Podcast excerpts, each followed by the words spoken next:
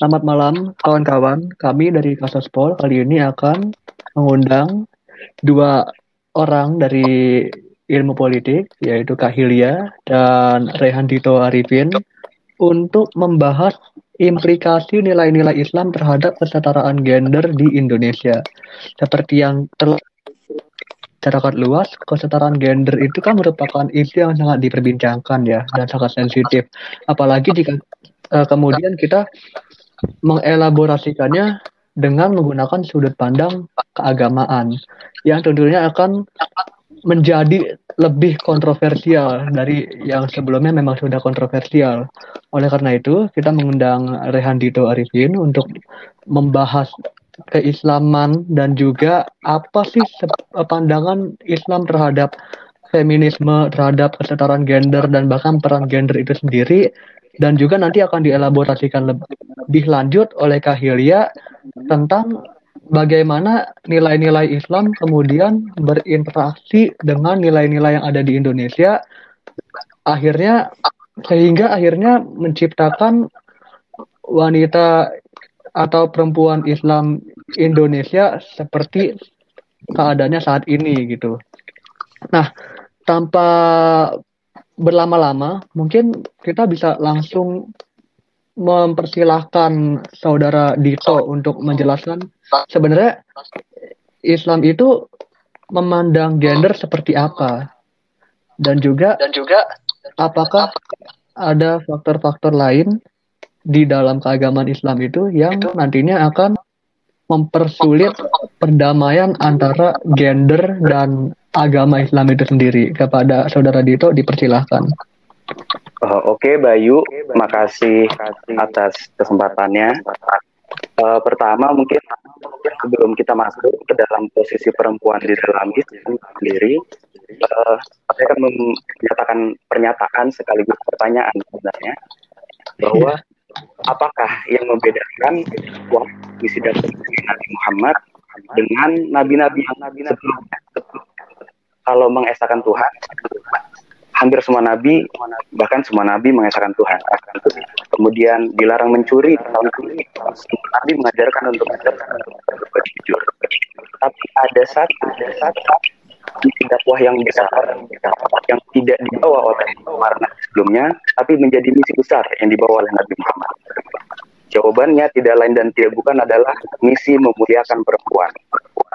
Uh, apa hujah atau bukti dari pernyataan saya ini akan dibahas uh, setelah sebelum kita bahas tentang posisi perempuan kalau kita berbicara soal uh, pemikiran Islam kita tidak lepas yang pertama yang pertama Al-Quran Al-Quran kedua hadis atau hadis dan yang ketiga dari kalau kita pertama masuk ke dalam Al-Quran terlebih dahulu uh, banyak pendapat-pendapat uh, perempuan habis itu kemudian uh, feminis kaum feminis terutama yang memandang bahwa Al-Quran adalah kitab yang sangat patriarkis.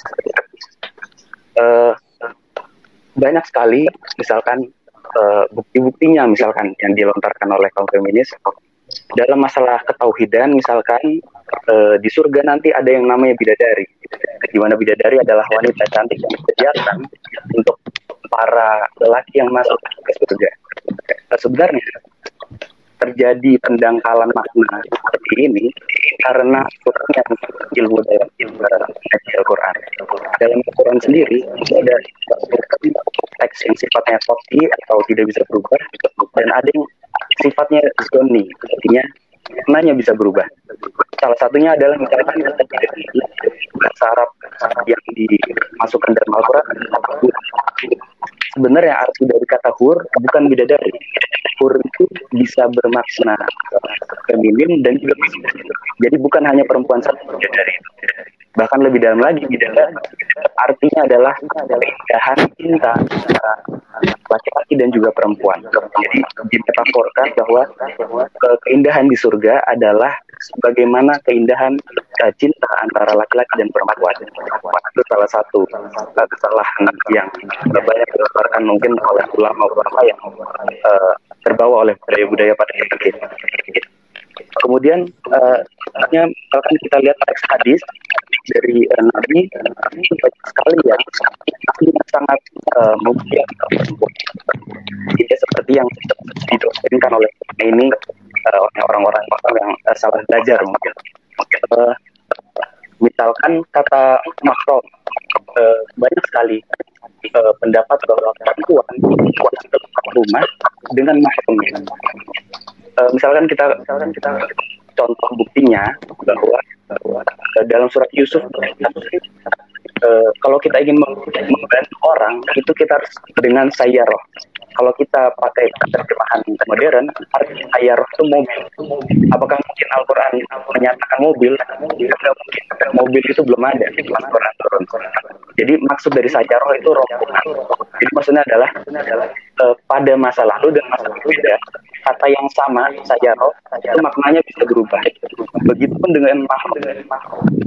Uh, kalau dulu dikatakan mahram itu adalah uh, pamannya wanita, habis itu kemudian kakak laki-lakinya wanita. Jadi, kalau kita berpergian harus dengan mahram. Ini tidak relevan akan konteks pada jam sekarang. Maka mahram, artinya, artinya itu subjek harus dirubah menjadi regulasi, menjadi undang. Maka uh, misalkan TKW yang kerja di Hongkong itu yang nggak perlu bawa papan atau bawa bapak, tapi karena regulasi undang-undang di sana sudah menjadi bahan pengamanan bagi mereka, maka mahromnya ahwalnya berubah, bukan teksnya. Teksnya tetap mahrom harus e, menyertai wanita, tapi mahromnya bukan orang, tapi undang-undang atau regulasi maka ini terusan agama Islam yang uh, sering kali uh, tidak diperhatikan oleh uh, banyak orang. Kemudian itu tadi kedua ada hadis dan ketiga sekarang kita berbicara fikih. Fikih adalah kumpulan-kumpulan uh, pernyataan uh, ulama dalam menafsirkan Al-Quran dan hadis. Misalkan di dalam Quran dan hadis tidak disebutkan apakah perempuan boleh menjadi uh, hakim atau menjadi pemimpin negara. Maka fikih ini sifatnya sangat boleh berbeda pendapat. Antara ulama berbeda pendapat. Sehingga uh, misalkan imam imam tidak membolehkan. Misalkan uh, perempuan menjadi hakim. Tapi Imam Ibnu Jarir atau Bari itu membolehkan. Mungkin itu pengantar uh, dari uh, saya sekian uh, lebih dalam mungkin nanti di sesi pertanyaan Terima kasih Dito. Jadi kalau boleh saya rangkum sedikit gitu ya. Intinya secara fundamental Islam itu memang mendukung kesamaan derajat antara laki-laki dan perempuan. Namun dalam kenyataannya memang beberapa undang-undang manusia yang dibuat oleh manusia serta ketentuan-ketentuan agama yang dibentuk oleh ahli agama dan ulama bagai macamnya itu kemudian cenderung mendistorsikan apa yang disampaikan oleh Tuhan dalam Al-Quran gitu ya.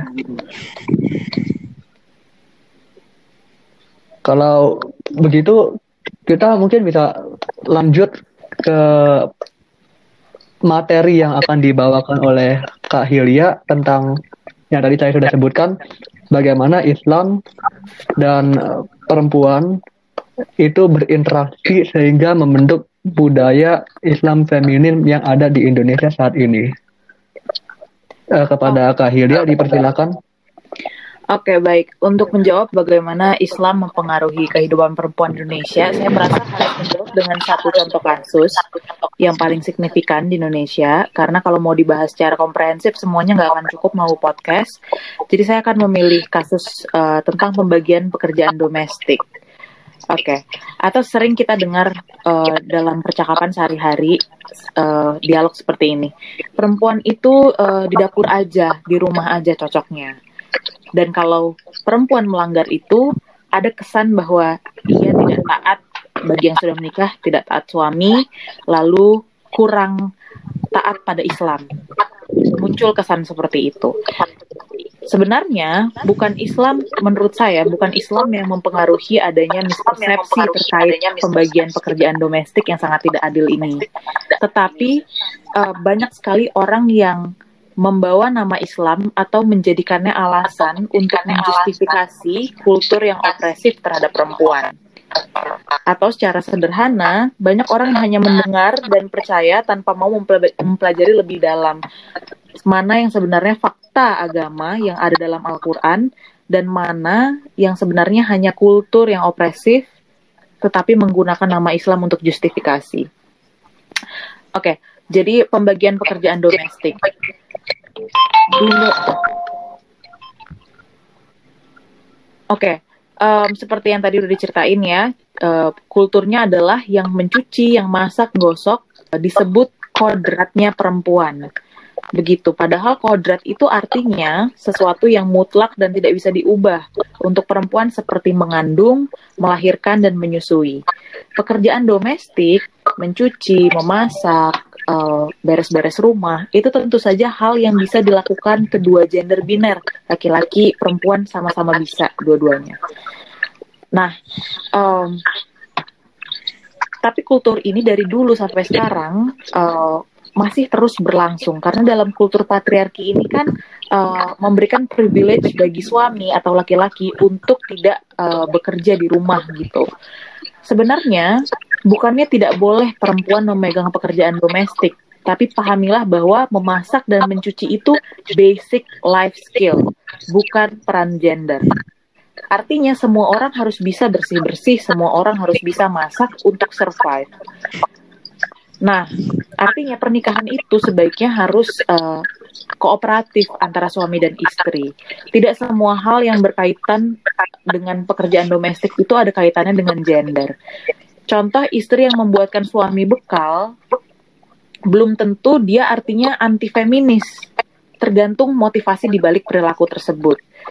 Jadi kalau perilaku itu dilakukan murni atas dasar bentuk perhatian, maka tidak ada masalah gender inequality di situ. Tapi kalau sudah ada motif opresi gender atau pemaksaan yang tidak adil oleh suami, misalnya suaminya sangat resisten untuk bekerja sama, maka ada masalah gender inequality di situ. Nah, uniknya pengaturan tentang pembagian pekerjaan domestik ini tidak setahu saya sebanyak saya mempelajari tentang hal ini tidak pernah ada ayat ataupun uh, ayat yang di dalam Al-Qur'an yang menyebutkan bahwa pembagian pekerjaan domestik itu harus dibebankan pada perempuan. Nah, uh, hal ini pernah dibahas dalam buku salah satu feminis Islam namanya Amina Wadud, Amina Wadud and Woman, dan masih banyak buku-buku lain uh, yang bisa teman-teman cari pengarangnya ada yang namanya Pak Fatimah Mernisi, terus ada yang namanya Lela Ahmed. Nah, uh, lanjut sedikit lagi. Jadi tidak adilnya di mana kalau memang pembagian pekerjaan domestik ini tuh dibebankan kepada perempuan. Implikasinya adalah ke masalah jam kerja. Bayangkan suami dan istri sama-sama punya pekerjaan kantor. Pulang kantor, suami setelah bekerja 8 jam, ia bebas dari pekerjaan rumah, sedangkan istrinya mungkin harus bekerja total sehari 16 jam. Akhirnya, uh, efek selanjutnya adalah istri harus keluar dari pekerjaan, disambung lagi dengan doktrin-doktrin yang men mengatasnamakan Islam seperti ya sudah istri yang baik yang berbakti adalah yang di rumah aja nggak usah kerja lupakan mimpinya yang penting mengurus anak dan suami. Seperti itu. Padahal uh, ini lagi-lagi setahu saya sejauh saya membaca kalau memang pendengar ada insight baru silahkan. Istri Nabi Muhammad itu juga memiliki pekerjaan yaitu uh, pebisnis yang ulung yang kalau di modern day kita bisa bilang CEO dan juga banyak tokoh-tokoh perempuan kuat dalam Al-Quran seperti Ratu Bilqis, lalu juga uh, ibunya Nabi Isa. Jadi tidak ada satupun dalam uh, satu ayat pun dalam Al-Quran yang menyatakan bahwa pekerjaan domestik itu adalah tugas perempuan. Yang ada hanya interpretasi masyarakat yang sangat jauh dari uh, fakta aslinya dan secara sadar maupun tidak interpretasinya conforming norma-norma kultur yang merupakan buah dari patriarki yang sudah sudah ratusan tahun tertanam.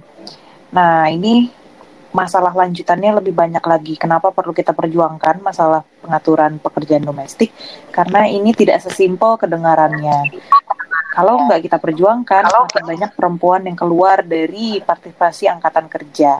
Atau dengan kata lain, employment rate Indonesia, uh, unemployment, maaf, unemployment rate Indonesia, tingkat penganggurannya akan semakin tinggi. Sebaliknya, kalau kita perjuangkan, uh, employment rate-nya naik, yang akhirnya juga menguntungkan uh, pendapatan nasional kita. Itu aja kalau dari saya.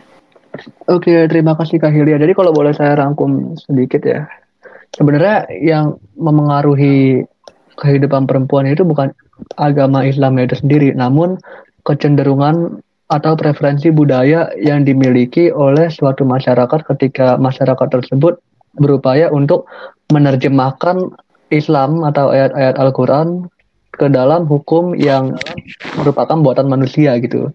Dan implikasinya jika hal tersebut terus berlanjut adalah nanti kita akan berhadapan dengan unemployment rate yang tinggi dan juga penduduk perempuan yang kurang kreatif dan itu disebabkan oleh keadaan di mana mereka itu dibatasi pergerakannya dan secara keseluruhan akan membawa dampak yang buruk bagi Indonesia. Terima kasih Kak Hilya. Mungkin teman saya Daniel ingin menanyakan pertanyaan. Oke, uh, terima kasih untuk Bayu. Mungkin pertanyaan saya ini akan ditujukan kepada dua pembicara kita, Hilya dan Gito juga. Uh, pertanyaannya mungkin begini. Nah, kita tahu bahwa uh, wanita Islam itu tuh di berbagai daerah itu tuh memiliki posisi yang berbeda di era modern saat ini. Nah, kita mendengar di Indo di Arab Saudi itu atau enggak di Afghanistan di masa Taliban itu tuh uh, hak perempuan itu tuh sangat rendah. Kita mendengar bahwa perempuan itu tuh uh, dilarang untuk mengendarai mobil, kemudian dulu juga wanita katanya tidak boleh muncul di televisi. Bahkan katanya juga ada perempuan yang tidak boleh nonton pertandingan sepak bola. Nah, Sedangkan kalau di Indonesia bahkan perempuan itu boleh melakukan hal apa pun yang, yang disukainya. Nah, mungkin pertanyaan oh, untuk Dito begini. Nah, mengapa uh, ada perbedaan penerapan Islam terhadap wanita yang seperti itu yang sangat jomplang kita di Arab Saudi dan di Indonesia. Dan mungkin untuk Kahilya mungkin pertanyaannya begini. Nah, apakah uh, sikap Indonesia yang cenderung lebih progresif lah kita bisa bilang seperti itu itu disebabkan oleh uh, pelopor, pelopor gerakan wanita kita itu seperti era Kartini itu yang tidak terlalu agamis gitu kan kita tahu bahwa era Kartini itu kan lebih bersifat dia kan mendobrak kebudayaan kejawaan pada saat itu yang dipingit gitu bukan uh, mengarah kepada kebudayaan Islam gitu sehingga uh, unsur agama itu tidak terlalu menjadi perhatian gitu oleh para pejuang wanita-wanita kita gitu. Uh, mungkin silakan jawabannya mungkin untuk Dito pertama. Oke, makasih pertanyaannya tadi dari Daniel. Uh, kalau kita berbicara soal tadi yang dicontohkan Daniel, misalkan uh, boleh menyetir, perempuan boleh menyetir atau tidak, dan sebagainya, itu masuk ke dalam uh, ranah fikih. Karena di dalam Al-Quran belum ada mobil, sehingga belum ada hukumnya apakah perempuan boleh menyetir atau enggak. Nah, fikih yang sifatnya adalah furu atau bercabang, setiap ulama bisa berbeda pendapat perbedaan pendapat ini yang menyebabkan bahwa di setiap negara misalkan itu terjadi aplikasi yang berbeda terhadap membolehkannya perempuan untuk menyetir atau sebagainya. Nah, kebetulan Islam yang ada misalkan di Arab Saudi, kemudian di Afghanistan, eh, hubungan antara agama dengan budaya di sana sudah sangat melekat dengan eh, budaya patriarkis yang telah berlangsung mungkin dari sejak zaman Nabi Nuh mungkin. Eh, Sementara di Indonesia yang sebenarnya itu uh, sikap atas penghargaan perempuan itu lebih baik dibandingkan uh, sikap yang ada di Arab. Nah, Islam yang masuk ke Indonesia itu cenderung uh, melalui uh, mazhab atau uh, pendapat ulama yang cenderung moderat, cenderung uh, lebih uh, fleksibel. Uh, kita bisa melihat contohnya uh, organisasi Islam terbesar di Indonesia, NU dan Muhammadiyah, itu sangat membolehkan dan bahkan mendorong perempuan untuk pertama mencari ilmu setinggi-tingginya. Karena tidak ada perbedaan antara laki-laki ataupun perempuan dalam mencari ilmu. dan kemudian ya, banyak sekali peran-peran bahkan menjadi pemimpin dan sebagainya itu sangat diperbolehkan untuk kaum perempuan. Sangat diperbolehkan maka yang terjadi adalah mengapa bisa berbeda? Karena Islam yang masuk ke Indonesia telah bercampur dengan budaya di Indonesia yang patriarkisnya lebih sedikit dibandingkan dengan budaya yang ada di Arab.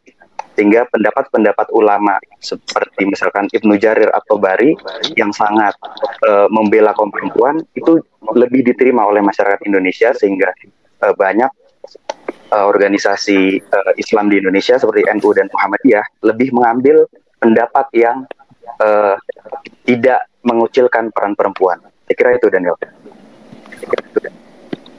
Oke, uh, mungkin terima kasih untuk uh, Dito. Jadi intinya bahwa budaya itu cukup mempengaruhi ya penerapan Islam sehingga kita itu agak sangat jomplang di Arab Saudi dan di Indonesia penerapannya.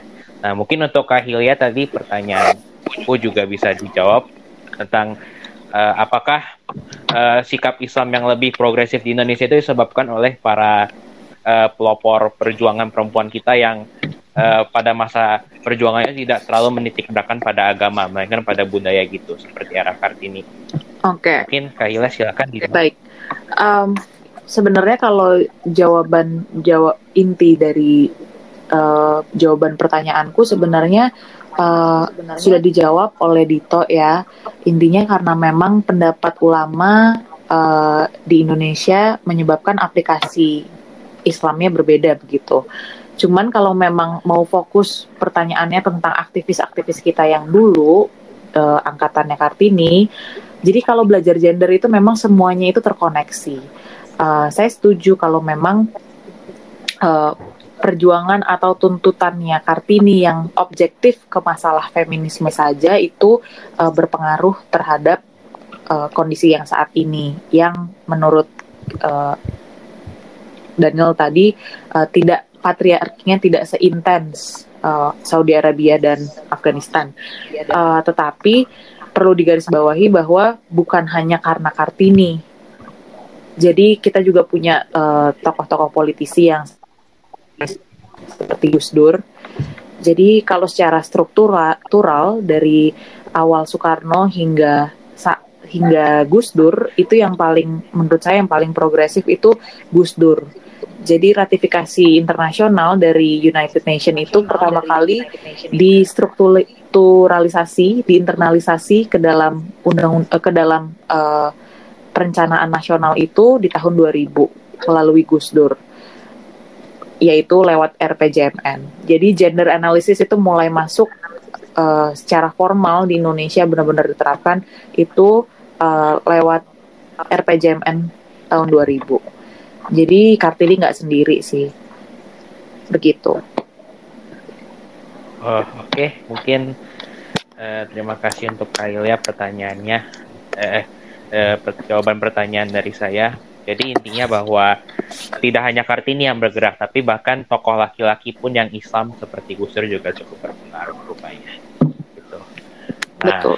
Uh, mungkin Bayu uh, silakan untuk giliran eh, boleh. memberikan pertanyaan. Pertanyaannya saya ada pertanyaan saya ada dua singkat untuk Kak Hilya. Saya pengen tanya, sebenarnya kan itu juga nggak asing gitu ya, misalnya sama uh, kelompok perempuan yang uh, tidak menyetujui RUU PKS gitu. Nah, ada dua pendapat. Yang pendapat pertama mengatakan bahwa mereka tidak menyetujuinya atas alasan karena mereka belum memahami isi dari RUU tersebut. Tapi ada pendapat kedua di mana mengatakan bahwa sebenarnya RUU PKS itu tidak sesuai dengan semangat Islam yang dibawakan gitu. Nah, sebenarnya menurut kakak sendiri itu sebenarnya emang karena mereka belum memahami RUU PKS sehingga mereka menolaknya atau emang terdapat alasan yang lebih agamais di balik penolakan tersebut. Dan kepada Rehan Dito yang bisa menjawab setelah Kahilya, uh, saya pengen nanya ini tuh kan tadi seperti yang udah anda jelaskan juga sebenarnya mazhab itu banyak dan pendapat ulama juga bisa berbeda-beda. Nah untuk Indonesia itu sendiri apakah kita harus membuat mazhab baru ataukah kita harus mengikuti salah satu mazhab yang sudah ada ataukah bahkan kita harus tidak berpikir secara mazhab gitu untuk membentuk suatu undang-undang yang bisa dibilang sesuai dengan semangat Islam yaitu menyusung kesetaraan gender, tetapi tidak sesuai dengan pendapat-pendapat ulama terdahulu. Bisa dimulai dari Kak Hilya. Baik, kalau menurut saya sendiri sih, um, inti dari RUU PKS itu uh, hanya untuk menyelesaikan permasalahan uh, sexual assault atau intinya kekerasan terhadap perempuan dari perspektif korban begitu kan jadi uh, mm. hingga saat sehingga saat ini sih saya nggak nggak menemukan di mana titik budaya baratnya atau anti Islamnya gitu. Uh, pertanyaan saya um, orang-orang yang nggak setuju dan bilang itu uh, merupakan produk yang anti Islam gitu dari manakah hmm. ide itu datang? Apakah orang itu sudah benar-benar baca naskah uh, RUU-nya terus juga um, atau mungkin yang sering kali terjadi definisi mereka akan feminisme itu yang terdistraksi. Jadi mm-hmm. feminisme yang mereka pahami itu bukan feminisme yang sebenarnya. Karena kan um, namanya juga kita melawan kultur ya. Jadi banyak orang-orang yang mendapat privilege dari patriarki itu uh, menggunakan berbagai banyak cara untuk membuat uh, proses memperjuangkan feminisme ini tuh terdistraksi gitu. Jadi uh, mungkin teman-teman juga udah sering dengar banyak sekali simpang siur mm-hmm. tentang feminisme gitu. Apalagi kita yang kuliah di FISIP aja udah sering banyak dengar. Apalagi mereka yang sama sekali tidak pernah terekspos dengan uh, pendidikan sosial gitu. Jadi gitu mm-hmm. uh, stigma atau image feminisme itu sudah sudah sangat radikal dan negatif gitu bagi beberapa hmm. kalangan. Jadi uh, muncullah ide-ide yang sebenarnya nggak benar. Nah makanya uh, perlu hmm. banget ada diskusi yang seluas-luasnya tentang bagaimana feminisme itu bukan hal yang asing bagi Islam, begitu. Jadi lebih karena emang mereka belum tahu dan kemungkinan besar tidak ingin mengetahuinya gitu ya Kak Hilya. Ditambah ada stigma yang lekat tadi terhadap feminisme. Ah, iya, iya. Terima kasih jawabannya Kak Elia. Mungkin ke Rehan Dito bisa silakan dijawab pertanyaan saya. Oh, oke. Okay. Uh, eh, Bayu, makasih pertanyaannya. Uh, mungkin uh, gue teringat sama uh, filosof Prancis namanya uh, Jean-Jacques Rousseau dalam bukunya Du Kontrak Sosial. Uh, di situ disebutkan uh, suatu konsep yang disebut dengan de la religion civile. Maksudnya adalah uh, agama sipil. Jadi disebutkan oleh uh, Rojo bahwa agama yang bermacam-macam dan bahkan di dalam satu agama pun bermacam-macam pendapat pasti hmm. akan timbul konflik jika berada dalam suatu negara. Maka solusinya adalah solusinya adalah ditawarkan oleh Rousseau yaitu dibentuknya suatu konsep agama sipil. Di Indonesia sudah diterapkan yang bernama Pancasila, yaitu dia bukan agama baru, tapi dia disepakati oleh hampir seluruh uh, rakyat Indonesia. Dan itu wajib untuk disepakati. Dan Pancasila berkata bahwa keadilan sosial bagi seluruh rakyat Indonesia, bukan bagi laki-laki saja. Kita, mazhab-mazhab yang beragam ini, kita nggak bisa uh, negara nggak bisa ikut kepada satu mazhab, tapi mazhab harus yang mengikuti uh, negara Indonesia. Boleh nggak berbeda mazhab? Boleh, tapi jangan memaksakan kehendaknya di Indonesia. Misalkan begini, uh, mayoritas misalkan Nahdlatul Ulama uh, berpendapat bahwa uh, peran perempuan sangat dimuliakan dalam Islam, mm-hmm. maka dia boleh dalam tinggal dalam Indonesia karena cocok dengan Pancasila itu tadi. Tapi jika ada yang berpendapat perempuan nggak boleh keluar rumah atau perempuan nggak boleh nyetir dan hmm. dia memaksakan kehendaknya, boleh saja. Tapi silakan angkat kaki dari Indonesia. Saya kira itu. Jadi uh, negara punya peran hmm. dalam bagaimana uh, melakukan uh, seleksi terhadap mazhab-mazhab yang ada begitu. Hmm. Menarik, menarik, menarik. Tapi menarik, menarik, menarik. Tapi uh, kalau boleh saya tanya lebih lanjut ya follow up. Misalnya ada satu mazhab nih yang emang sifat mazhab itu kemudian ingin memaksakan kehendaknya gitu, berpendapat bahwa masyarakat itu tak akan bisa damai sampai mazhab tersebut dieksekusikan secara komprehensif dan pengikutnya pun berpendapat demikian gitu. Nah, apakah seperti tadi Dito bilang ya ini mazhab keluar dari Indonesia atau masih bisa dikompromikan lagi gitu. Soalnya kan agama juga ada sedikit bumbu dogma dan praduganya gitu. kalau kita bicara kalau kita bicara kayak gini sebenarnya uh, tolak ukurnya bukan pada mazhab yang berbeda saya kira mazhab berbeda itu sangat uh, naluriah tapi balik lagi kita berbicara soal hukum hukum yang ada di hukum yang ada di Indonesia itu meniscayakan bahwa perempuan setara dengan laki-laki maka jika ada mazhab yang berpendapat uh, berbeda dengan uh, keyakinan yang telah ada di Indonesia hmm. boleh saja tapi kalau untuk sebatas pribadinya karena pemikiran tidak bisa dilarang ideologi tidak bisa dilarang mm-hmm. tapi kalau dia telah memaksanakan memaksakan pendapatnya dan bahkan memaksa untuk Pancasila dirubah sesuai dengan pendapat mereka mm-hmm. ya silakan bisa ditendang dari Indonesia gitu oke oke oke terima kasih jawabannya mungkin saudara Daniel ingin menanyakan rangkaian pertanyaan terakhir Oke, uh, ini khusus untuk Kahilia mungkin. Uh, yeah. Mungkin pertanyaan gini. Uh, kita tahu bahwa gerakan feminis di Indonesia itu tuh sekarang cukup marah gitu, terutama di Twitter. Tapi uh, pada saat ini lihat bahwa gerakan feminis ini berusaha membawa suatu gerakan juga yang lain, yaitu gerakan untuk mendukung hak LGBT. Nah, seakan-akan LGBT itu merupakan satu paket dengan gerakan feminis. Dan juga eh, kadang-kadang para pendukung gerakan feminis ini sangat kuanggap apa ya kurang uh, membumi lah gitu. Mereka menggunakan bahasa Inggris, mereka aktif di Twitter gitu loh. Mereka sering citrakan diri mereka sebagai open minded gitu loh. Ya, padahal kita tahu bahwa banyak masyarakat kelas bawah yang perempuan itu tersiksa seperti kaum buruh buruh wanita dan para petani wanita. Mereka lebih menderita, tapi tampaknya suara kaum feminis yang sekarang-sekarang ini itu lebih uh, ya hanya berbasis tweetan di Twitter semata gitu. Nah, kira-kira tanggapan kakak akan uh, sifat gerakan yang seperti itu gimana gitu? Apakah itu baik atau buruk? Oke baik, terima kasih. Ini jawab, uh, pertanyaannya sangat menarik. Uh, pertanyaannya sangat menarik. Oke, untuk pertama yang soal LGBT ya, betul saya setuju banget. Orang-orang suka menggabungkan antara gender equality dengan gender and sexuality. Itu ke, itu adalah dua kajian yang sangat berbeda kalau saya memang mempelajarinya dan bekerjanya untuk gender equality. Gender equality itu cabang bahasannya itu lebih ke sosioekonomik. Jadi anaknya itu adalah gender gender dan public health, gender dan education, gender and poverty dan terus gender and global governance dan banyak lainnya. Mungkin teman-teman juga udah kebayang.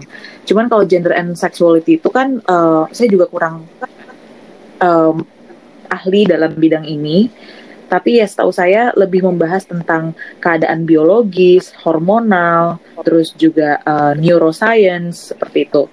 Um, jadi memang itu kedua hal yang berbeda dan setahu saya pun uh, ada memang benar ada beberapa kelompok yang pembela hak LGBT uh, ikut Women's March seperti itu. Dan saya juga tahu beberapa orang ada yang keberatan beberapa orang yang feminis gitu yang punya organisasi di bidang feminisme keberatan dengan hal itu karena um, Women's March namanya aja udah Women's gitu kan dan uh, untuk Indonesia khususnya kampanye soal gender equality pun belum selesai begitu. Um, tetapi ini ini uh, saya hanya menceritakan keadaan yang ada ya uh, maksudnya beberapa pihak ada yang keberatan tapi ada juga yang uh, gak apa-apa setuju gitu. Namanya juga sama-sama mengkampanyekan sesuatu di uh, demonstrasi nggak tahu deh Women's March itu demonstrasi nggak ya? Atau lebih ke iya demonstrasi damai begitu. Oke okay. um, jadi itu. Terus yang kedua saya setuju banget juga uh, bahwa aktivis-aktivis uh, perempuan yang bergerak di bidang feminisme itu um, kurang memperhatikan kelompok yang literasi kemampuan literasinya rendah gitu. Um, tetapi nggak bisa disalahkan juga karena uh, mungkin bukan mungkin memang iya, memang iya yang mengerti tentang gender issues atau gender equality atau women's rights itu biasanya adalah orang-orang yang um, kebutuhan ekonominya itu sudah memadai begitu. Jadi um, salah satu alasan kenapa gender equality itu susah berkembang di negara berkembang di negara berkembang itu permasalahan yang dianggap permasalahan yang dianggap paling seperti kemiskinan itu belum selesai. Jadi boro-boro mikirin gender, makan hari ini aja belum selesai gitu dipikirin. Yang padahal gender dan ekonomi itu saling timbal balik, saling berhubungan. Jadi sebenarnya harus dimulai dua-duanya bersamaan. Nah gitu. Jadi nggak bisa disalahin juga kalau memang aktivis-aktivis yang ada saat ini itu kebetulan semuanya dari middle class gitu. Walaupun tetap ada pengecualian nggak mungkin 100% semuanya middle class. Tetapi ya uh, saya sih di poin ini udah bersyukur kalau memang semakin banyak middle class yang peduli. Jadi itu bukan hal yang buruk. Tetapi perlu diingat juga, terutama teman-teman yang belajar fisip, kita belajar tentang karakter masyarakat, tahu lapisan masyarakat, kita harus lebih peka untuk menyediakan informasi bagi eh, orang-orang yang datang dari status sosioekonomi yang lebih rendah. Itu aja sih. Uh, jadi kak, uh, bukankah uh, bahwa kita tahu bahwa masyarakat Indonesia itu masih terikat dengan kultur dan agama yang kuat gitu loh.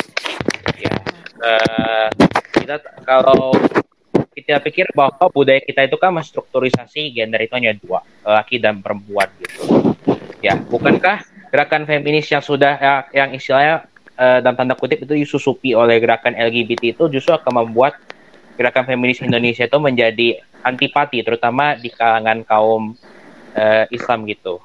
Uh, mungkin juga untuk Dito nanti boleh dijawab juga. Uh, uh, Dito mungkin boleh diminta pendapatnya gitu bagaimana uh, gerakan feminis yang uh, sekarang itu berusaha dimasukin oleh kaum LGBT gitu, bagaimana menurut pandangan agama gitu, uh, agama Islam secara umum gitu. Mungkin untuk Kailia boleh dijawab dulu.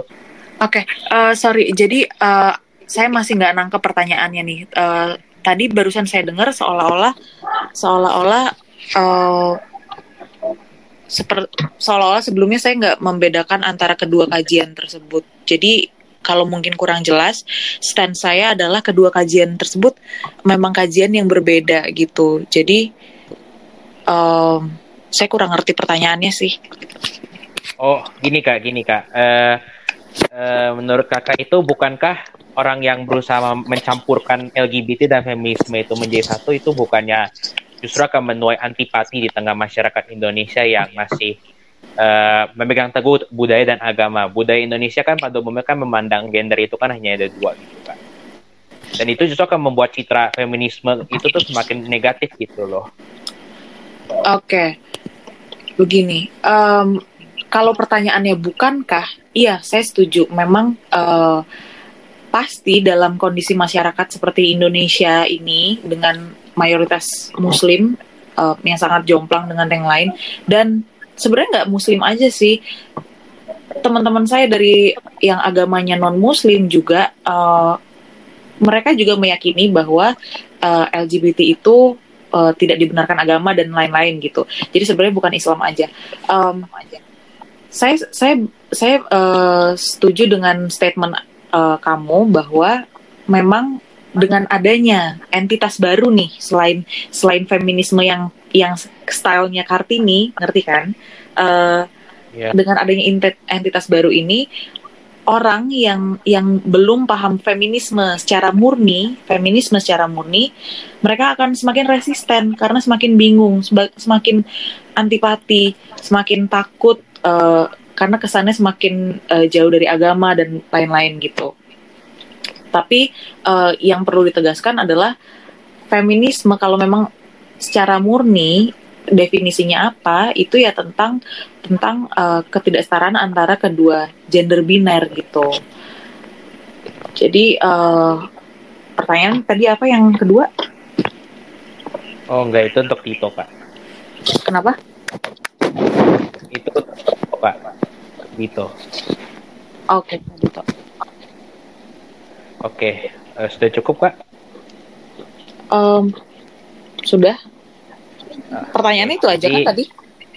Iya, uh, jadi intinya mungkin uh, Kaila itu mungkin berpendapat bahwa sebenarnya LGBT dan feminisme itu dua hal yang berbeda gitu, dan itu justru akan membuat hal yang negatif gitu dan juga bahwa fenomena pendukung feminis itu kebanyakan bergerak lewat Twitter dengan bahasa Inggris itu tuh wajar karena uh, mereka itu tuh bahasa dari middle class gitu okay. loh. Tapi mungkin uh, kita harapkan Oke. Okay. Kita harapkan dia bisa apa?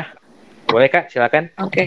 Jadi uh, yang saya tekankan sih tadi kan kalau kalau kamu kan nanya akankah akankah mereka menimbulkan uh, semacam resistensi gitu dengan adanya dengan adanya uh, kaum LGBT yang ikut dalam momen smart misalnya.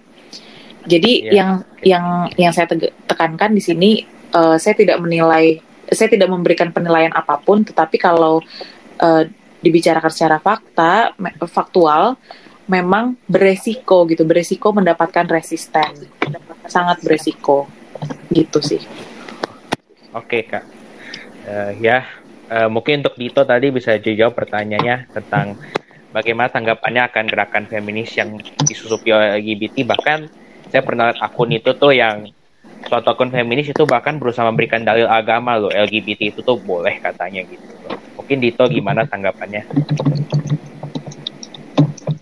Uh, oke okay, mungkin uh, kalau kita berbicara soal boleh atau tidaknya suatu hukum itu adalah ranahnya ahli fikih. Maka saya di sini uh, nggak punya uh, kapasitas untuk menjawab apakah boleh atau tidak. Tapi uh, yang ingin uh, gue sampaikan sebenarnya uh, jangan pernah uh, membuat suatu pikiran bahwa uh, Islam itu yang begini, Islam itu yang melarang ini, melarang itu. Saya kira banyak sekali pendapat yang masih bisa dibicarakan. Saya bilang tadi uh, fikih itu sifatnya berbeda pendapat.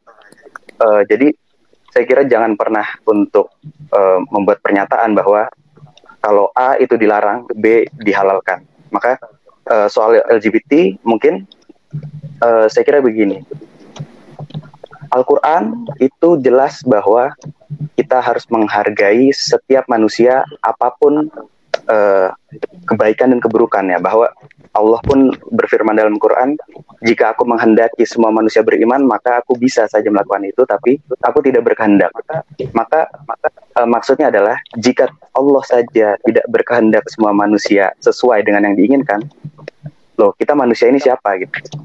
Jadi uh, saya kira dalam melakukan kebaikan, berdakwah mengenai kebaikan, saya kira harus menggunakan cara-cara yang baik juga. Mungkin begitu sih Daniel. Jadi Islam itu yang penting adalah menghargai sesama.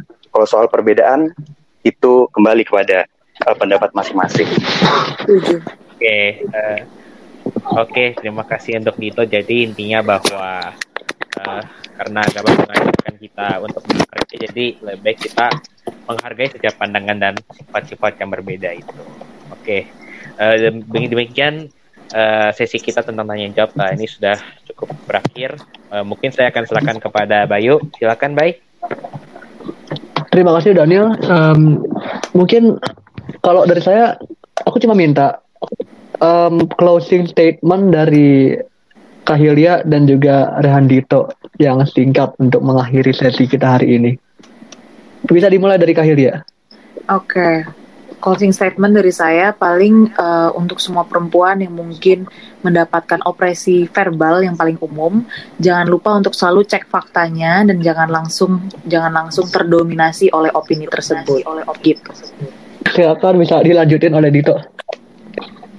Uh, Oke, okay. mungkin agak lebih panjang dari Kahil ya. boleh boleh. Uh, ada ada hadis yang menarik bunyinya almaratu imadul bilad in soluhat soluhat bilad. Artinya uh, perempuan. itu adalah tiang suatu negara. Hmm. jika perempuannya baik maka baik negara ah, itu uh, jika kita memandang bahwa perempuan hanya perempuan hanya ada di dapur dan di kasur apakah ada hubungannya dengan negara? Saya kira tidak. Maka yang dimaksud oleh nabi itu itu uh, bahkan peran wanita itu konteksnya adalah hmm. negara. maka jangankan pemimpin bahkan guru bangsa pun harusnya dari kaum perempuan. Dan uh, maka uh, banyak ulama bahkan salah satunya Ibnu Arabi yang mengatakan bahwa jika kamu ingin melihat kesempurnaan Tuhan maka lihatlah wanita karena di dalam wanita itu terdapat banyak kesempurnaan yang mendekati kepada kesempurnaan Tuhan. Dan saya kira sangat sayang jika kesempurnaan Tuhan itu disembunyikan hanya di dapur dan di kasur. Saya kira keindahan Tuhan ini harus kita eksplor, kita kembangkan ke ranah negara, bahkan ke ranah dunia. Saya kira perempuan punya peran besar dalam kemajuan uh, suatu negara dan itu didukung oleh Islam baik secara Quran, hadis dan juga pendapat para ulama-ulama yang memang uh, memiliki pandangan yang objektif terhadap gender. Oke oke, okay. jadi kalau bisa saya rangkum ya malam ini pembicaraannya. Jadi intinya kita itu harus berpikir maju, jangan terlalu dogmatis dengan agama agar kemudian perempuan juga bisa bersama dengan kolega laki-lakinya sama-sama membangun bangsa agar lebih maju dan sejahtera. Terima kasih banyak kepada Kahilia, kepada Rehandito, dan juga kepada Daniel atas kesempatannya membuat podcast malam ini. Semoga kita dapat dipertemukan lagi di lain waktu untuk membahas hal lain yang mungkin menarik bagi kita untuk membahasnya. Selamat malam dan terima kasih. Terima kasih. Terima kasih. Terima kasih. Oke, mungkin sekian sesi diskusi kita hari ini. Sampai jumpa di lain waktu. In Politics, In Politics we trust.